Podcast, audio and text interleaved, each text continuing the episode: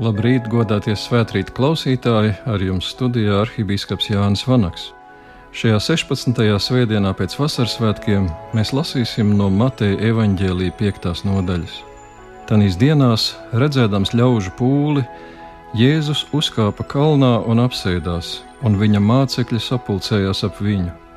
Un viņš sāka tos mācīt, sacīdams: Laimīgi garā nabagie, jo viņiem pieder debesu valstība Laimīgi apbēdinātie, jo viņus mierinās, laimīgi lēnprātīgie, jo viņi mantos zemi, laimīgi izsalkušie un izslāpušie pēc taisnības, jo Dievs viņiem pa pilnam to dos, laimīgi žēlsirdīgie, jo Dievs būs viņiem žēlsirdīgs, laimīgi sirds šķīstie, jo viņi Dievu redzēs, laimīgi miera nesēji, jo viņi tiks saukti par Dieva bērniem laimīgi taisnības dēļ vajātie, jo viņiem pieder debesu valstība. Laimīgi jūs esat, ja jūs manis dēļ lamās un vajās un runās visu ļaunu par jums. Tā kunga evaņģēlīs. Dievs, kungs, svētais gars, svētī mūsu tavu vārdu patiesībā. Tavi vārdi ir patiesība.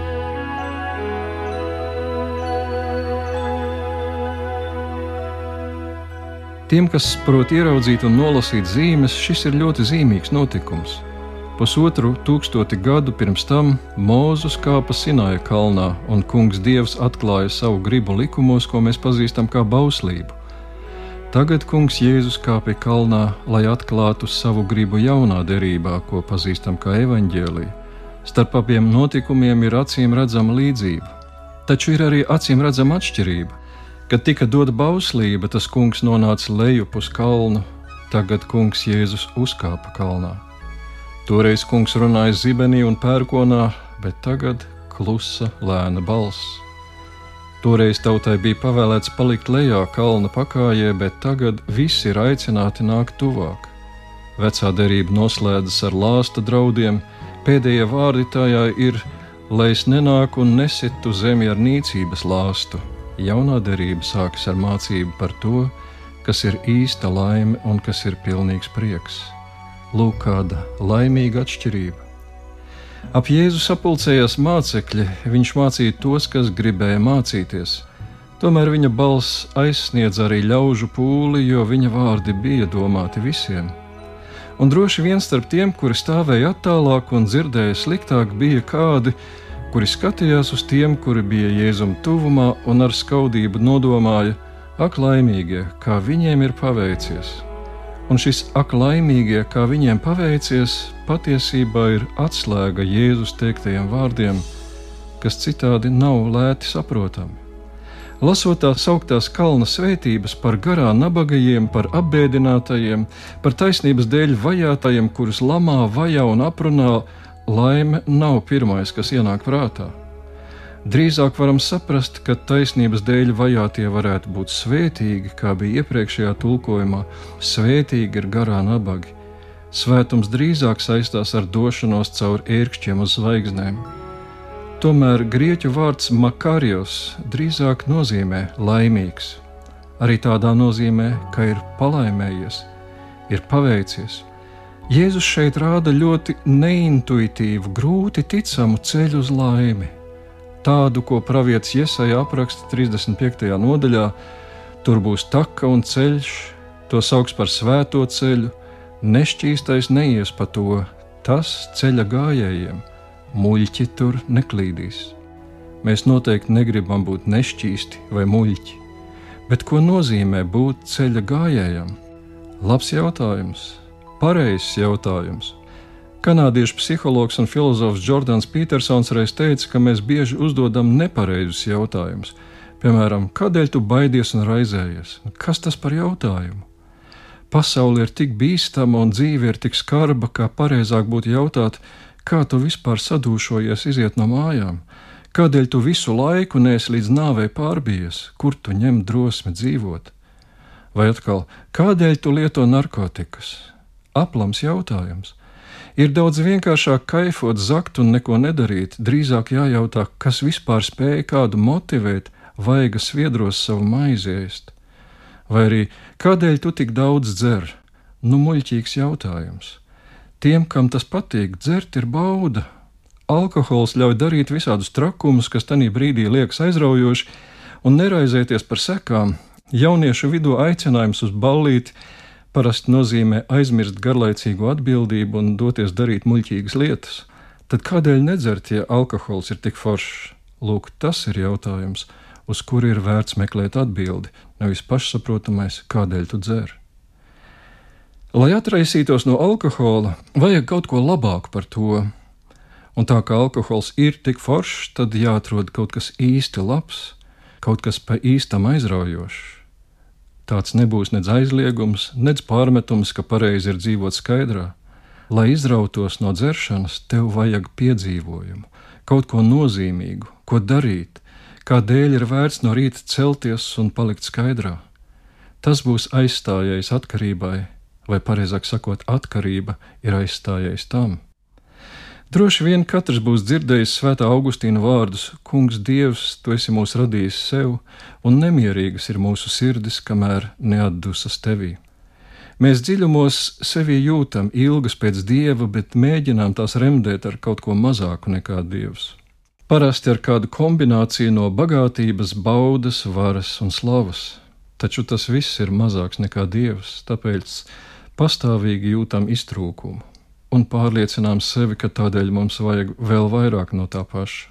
Un tiecamies un tiecamies un iegūstam, taču joprojām attopamies vīlušies un neapmierināti, un sāk iestāties tāda kā garīga panika, un mēs kā tādā apsēstībā riņķojam ap īslaicīgiem labumiem, kuri principā nespēja darīt laimīgu. Baznīcas valodā šo nomaldījušos tieksmi sauc par kārību, taču mūsdienu cilvēkam daudz vairāk pasakīs vārds atkarība. Jā, tieši tā tas darbojas. Un, lai izrautos no atkarības, ir vajadzīgs kaut kas labāks, kāds jēgpilns veikums, kāds piedzīvojums. Par to Jēzus runā ar tiem, kas grib mācīties ceļu uz laimi. Laime nav dabisks stāvoklis, ar kuru varam rēķināties. Laime ir rets dārgums, kuru reizēm laimējas saņemt kā negaidītu dāvanu, bet parasti to atrod kā jēgpilna darba augli.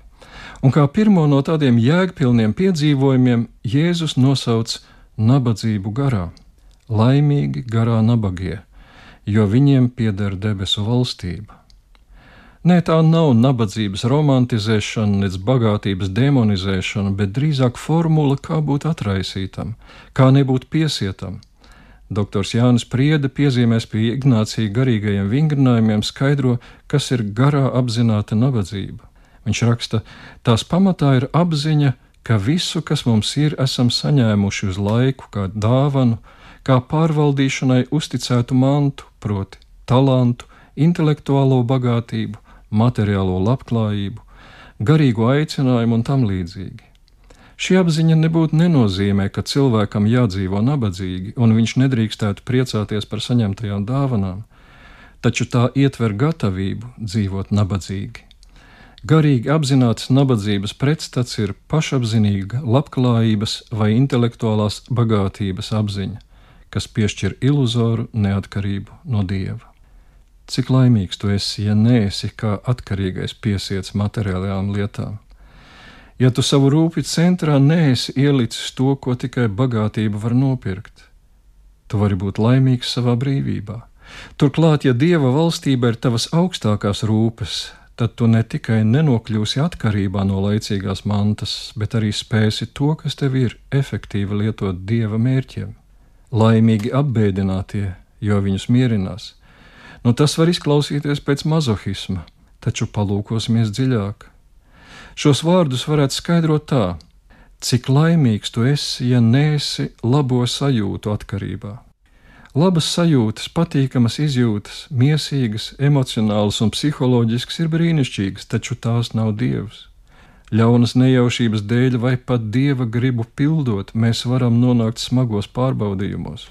Pāvils raksta, ka ir lejis asaras dienām un naktīm, Īstenībā patīkamas sajūtas nav dabisks dzīves stāvoklis, bet reta dāvana, un tiekšanās pēc tām par katru cenu drīz vien var izvērsties gan par alkohola lietošanu, gan par pornogrāfijas patērēšanu, gan par citām saitēm un važām. Mēs esam aicināti mīlēt nevis savas labās izjūtas, bet dieva gribu. To iemīlot, mēs tiksim mierināti ar patiesu prieku. Mierinājums atnāk darot to, kam ir nozīme. Tas palīdz pacelties pāri traģēdijai, lai tā paliek vienkārši traģēdija un nekļūst par elli. Tādēļ tam, ko Jēzus šeit saka, nav sakara ar svētulību, bet gan ar atraisītību, ar garīgu brīvību. Tālāk viņš saka, laimīgi lēnprātīgie, jo viņi mantos zemi. Grieķu vārds praus īstenībā nozīmē maigs, bet līdz ar to pazemīgs un lēnprātīgs. Tas nozīmē arī dvēseles noskaņu, kas labprāt pieņem dieva gribu un nerunā pretī. Lēnprātīgi ir tie, kas nav vardarbīgi, tie, kuri nelieto varu. Reizēm šo rakstu vietu mēdz skaidrot kā Jēzus kritiku varas institūcijām un hierarhiskām struktūrām, tomēr daudz vairāk viņš te norāda ceļu uz brīvību. Laimīgs tu esi, ja nekāro varu. Romānā un filmā Gredzena pavēlnieks pats kārdinošākais talismans un pati spēcīgākā atkarība ir varas gredzens. Tas pakļauj un izmaina savu nēsētāju. Smīgalis tas pārvērš par golumu, elfu par orku. Ar pasaules varu ir kā atrasties uz riteņa aplocis, augšā, lejā, augšā, lejā. Dieva griba ir riteņa centrā. Tur ir stabilitāte un spēka avots. Ja neesi varas un varmācības atkarībā, tu vari kļūt par kanālu dieva spēkam, un tā ir patiesā vara, kura iemanto zemi. Iemantot zemi nozīmē atrast vietu, kur stāvēt, iegūt resursu, no kā dzīvot. Jā, ir grūti nodot savu gribu pilnīgi dieva gribas varā. Iekšā kaut kas tam ļoti pretojas, taču brīžos, kad tas izdodas, tu piedzīvo, ka tas ir labākais, kas ar tevi varēja notikt, un jūties laimīgs. Laimīgi taisnības dēļ vajātie, jo viņiem pieder debesu valstība, Laimīgi jūs esat, ja jūs manis dēļ lamās un vajās un runās visu ļaunu par jums. Šeit Jēzus rāda ceļu, kā iziet cauri netaisnībām un ļaunprātībām, kas vēršas pret tevi. Laimīgs tu esi, ja spēj tās uztvert kā dalīšanos likteni ar Kristu un praviešiem, ar kuriem taču tāpat apgājās. Laimīgs tu esi, ja spēj ieraudzīt nepelnītā pārestībā un pazemojumā to, kas ved tuvāk Kristum un ļauj piedalīties viņa dzīvē, bet Kristum piedalīties tavējā. Kas gan tad spēs tevi ievainot? Taču arī pavisam ikdienišķā nozīmē viena lieta, kas novērš uzmanību no dieva, ir tā, ka mēs gribam patikt cilvēkiem. Mums gribas, lai cilvēki mūs atzīst, ciena un uzslavē. Mēs ierakstām komentāru kādā portālā un pēc tam vairākas reizes atgriežamies, lai paskatītos, cik plusiņu tam pielikts. Jā, varbūt plusiņu būs vairāk nekā mīnusiņu, bet ja nu tavs komentārs būs paticis idiotiem, kas tas būtu par godu? Mēs skaitām savus sekotājus sociālajos tīklos un domājam, kad būs simt tūkstoši, tad gan es būšu laimīgs. Bet īstenībā laimīgs tu esi tad, kad esi iemīlējies godā, ar kuru Dievs pagodina šeit un debesu valstībā. Šīs četras Jēzus svētības ir par atkarībām, no kurām vajadzētu tikt vaļā. Pārējās vairāk ir par to, ko vajadzētu kārot un iegūt. Piemēram, laimīgi izsalkušie un izslāpušie pēc taisnības, jo Dievs viņiem pa pilnam to dos. Mēs salkstam un kārojam pēc daudzām lietām. No rīta pamodušies, varam sev jautāt, pēc kā es augstu. Nu, ne pēc bulciņas un kafijas es domāju, bet ko es šodien vēlos? Cik laimīgi esam, ja salkstam pēc tā, kas ir taisns, kas ir dievam patīkams un svēts. Nevis, ka mums sevi uz to ar pūlēm jāspiež, bet ka to kārojam. Patiešām tad ir laimējies. Tad varam teikt, ka mūsu vēlmes ir sakārtotas, pieskaņotas dieva gribai, un tas ir tas, kas aizved līdz makarijos, laimīgi, pēc taisnības slāpstošie. Laimīgi žēlsirdīgie, jo Dievs būs viņiem žēlsirdīgs. Par Dievu ir teikts, ka Viņš ir žēlsirdīgs, Viņš apžēlojas kā tēvs par saviem bērniem. Pateiciet tam kungam, jo Viņš ir laipnīgs, vecajos tulkojumos bija pat mīlīgs. Un žēlsirdīgi ir Viņa liecinieki. Viņi ir Dieva attēls pasaulē, un tas dara viņus laimīgus. Lūk, mēs varam no rīta mosties un sev jautāt, ko es šodien vēlos paveikt, Es varu būt kritisks, es varu būt paštaisns, lepns un tiesāt, bet es varu būt laipnīgs, mīlīgs, žēlsirdīgs. Kā būtu, ja es no rīta apņemtos, ka šodien es parādīšu tik daudz žēlsirdības, cik vien varēšu, visur, kur vien spēšu? Tas būtu gudrs veids, kā remdēt dziļākās slāpes pēc dieva, pašam kļūt par trauku, kurā cilvēkiem tiek pasniegts žēlsirdīgais dievs. Sniedzot, tu saņem atpakaļ, sniedz un saņem, un tas vairs nav varas gredzens, kurš elfu padara par orku, tas ir žēlsirdības aplis, kurš tevi veido par Kristus ikonu. Jēzus šeit saka: kāro to, kas ir taisns, esi dieva žēlsirdības nesējs, dari to par dzīves galvenajām rūpēm, un tu jutīsies laimīgs. Tāpat laimīgi ir arī miera nesēji, kas tiek saukti par dieva bērniem. Un te savienojas viss līdz šim runātais. Ja esi brīvs no naudas, baudas, varas un slavas atkarībām, ja kāro to, kas ir taisns un parāda žēlsirdību, tad tu izstaro mieru. Tavs veselums modinās veselumu citos. Ir tādi cilvēki, kas tā iespaido apkārtējos, un cilvēki saka, lūk, Dieva bērns. Dieva bērna klātbūtne dara cilvēkus labākus, un viņi ir laimīgi, jo var dzīvot starp labākiem cilvēkiem. Reizēm vajag varu savaldīt ar varu un spēku atvairīt ar spēku, tam mums ir karavīri un policisti, taču nemazāk mums ir vajadzīgi miera nesēji, kas liecina par dievišķo mieru debesu dzīvē. Laimīgi sirdsšķīstie, jo viņi dievu redzēs. Grieķu vārdu kataros, tīrs, var tulkot dažādi. Arī latviešu mēs dažādi saprotam, piemēram, tīrs dvielis un tīrs zelts. Dvielis būs nesasmērēts, bet zelts bez mazvērtīgiem pieaukumiem. Un šķiet, ka Jēzus šeit vairāk runā zelta nozīmē par viendabīgu, nedalītu sirdi, kura ir veltījusies tikai vienam. Sērens Kierkegors teica, ka svētais ir tas, kurš augsts tikai pēc viena. Mēs ikdienā gluži dabiski vēlamies dažne dažādas lietas, un mums tās tiešām vajag, taču tā ir virsbūve, kuras apveidu noteiks dziļumos esošais pamats, tavs centrs, tava būtība, sirds, par kuru Jēzus te runā, vissvētākā vieta, kura nedrīkst būt sašķelta. Un laimīgs tu esi, ja tava sirds ir nedalīta un vēlas vienu, to, kas ir taisns, nerunā pretī dieva gribai, iet pa žēlsirdības ceļu. Protams, arī otrā nozīme ir svarīga - šķīsts, tātad nesasmērēts. Man nesen bija jāsāk nesēt acenes, un es drīz vien atklāju, cik kaitinoši ir tas, ka atliek tikai lēcām pieskarties ar taukainu pirkstu, un pasaule uzreiz kļūst blāva, duļķaina un izplūdusi. Visapkārt ir daudz lietu, kuras uzlūkojot, var viegli sasmērēt sirdi, un ar taukainu sirdi ir grūti skatīt dievu, Sirds ātri sasmērējas un aptaukojas, kad ir dalīta.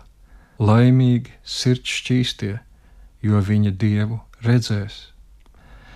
Šos visus Jēzus vārdus nav viegli lasīt, jo šķiet, ka tie uzrāda visu, kādiem mums jābūt, un tiesā mūs, ja tādi nesam.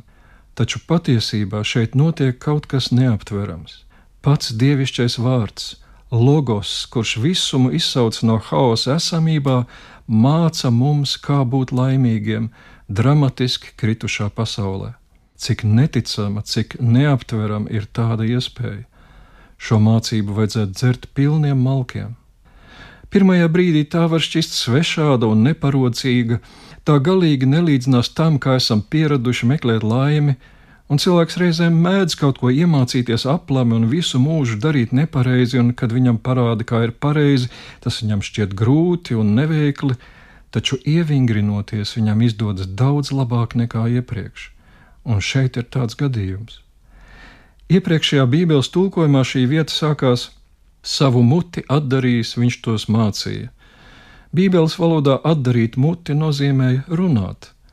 Taču Jēzus daudz mācīja, muti neatdarīs, bez vārdiem, ar savu dzīvi.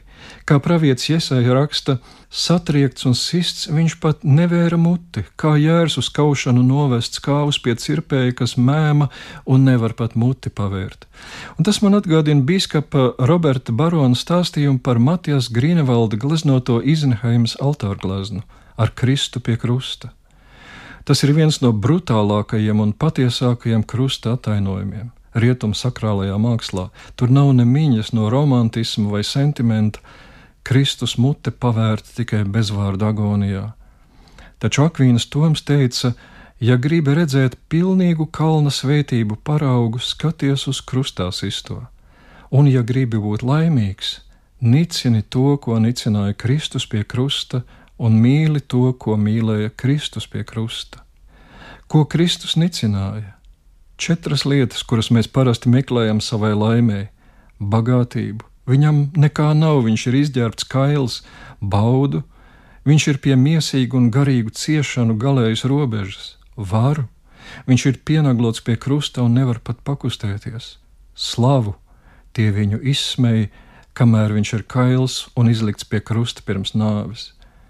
Jēzus ir atraisīts no četrām lietām, kurās mēs bieži meklējam prieku ko viņš mīlēja pie krusta. Viņš mīlēja darīt sava tēva gribu. Viņš bija pie krusta ar nedalītu sirdi, kā tāds, kurš slāpst pēc taisnības. Tādēļ viņš bija pie krusta kā augstākais miera nesējs. Viņš bija pie krusta kā augstākais žēlsirdības sniedzējs.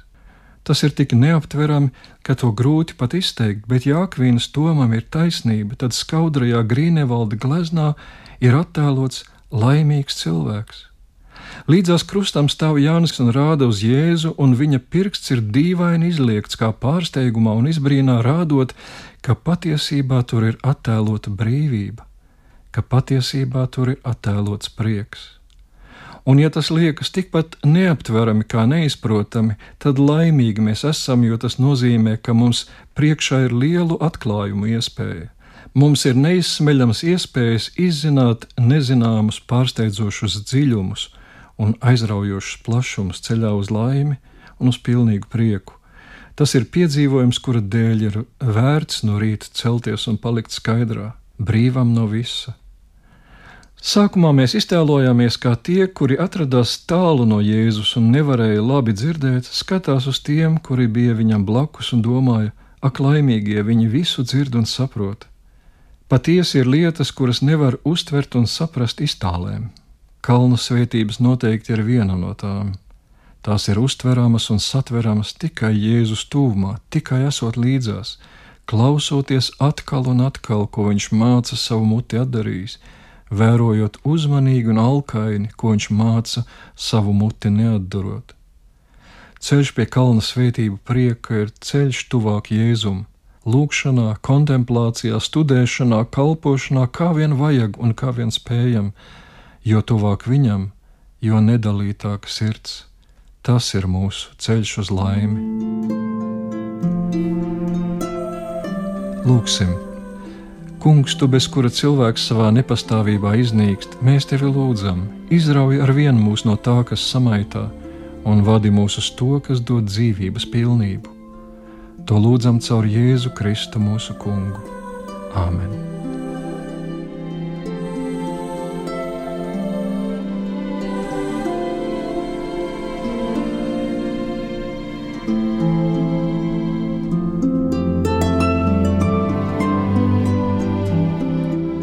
Svētrītā ar jums bija arhibīskaps Jānis Vanaks.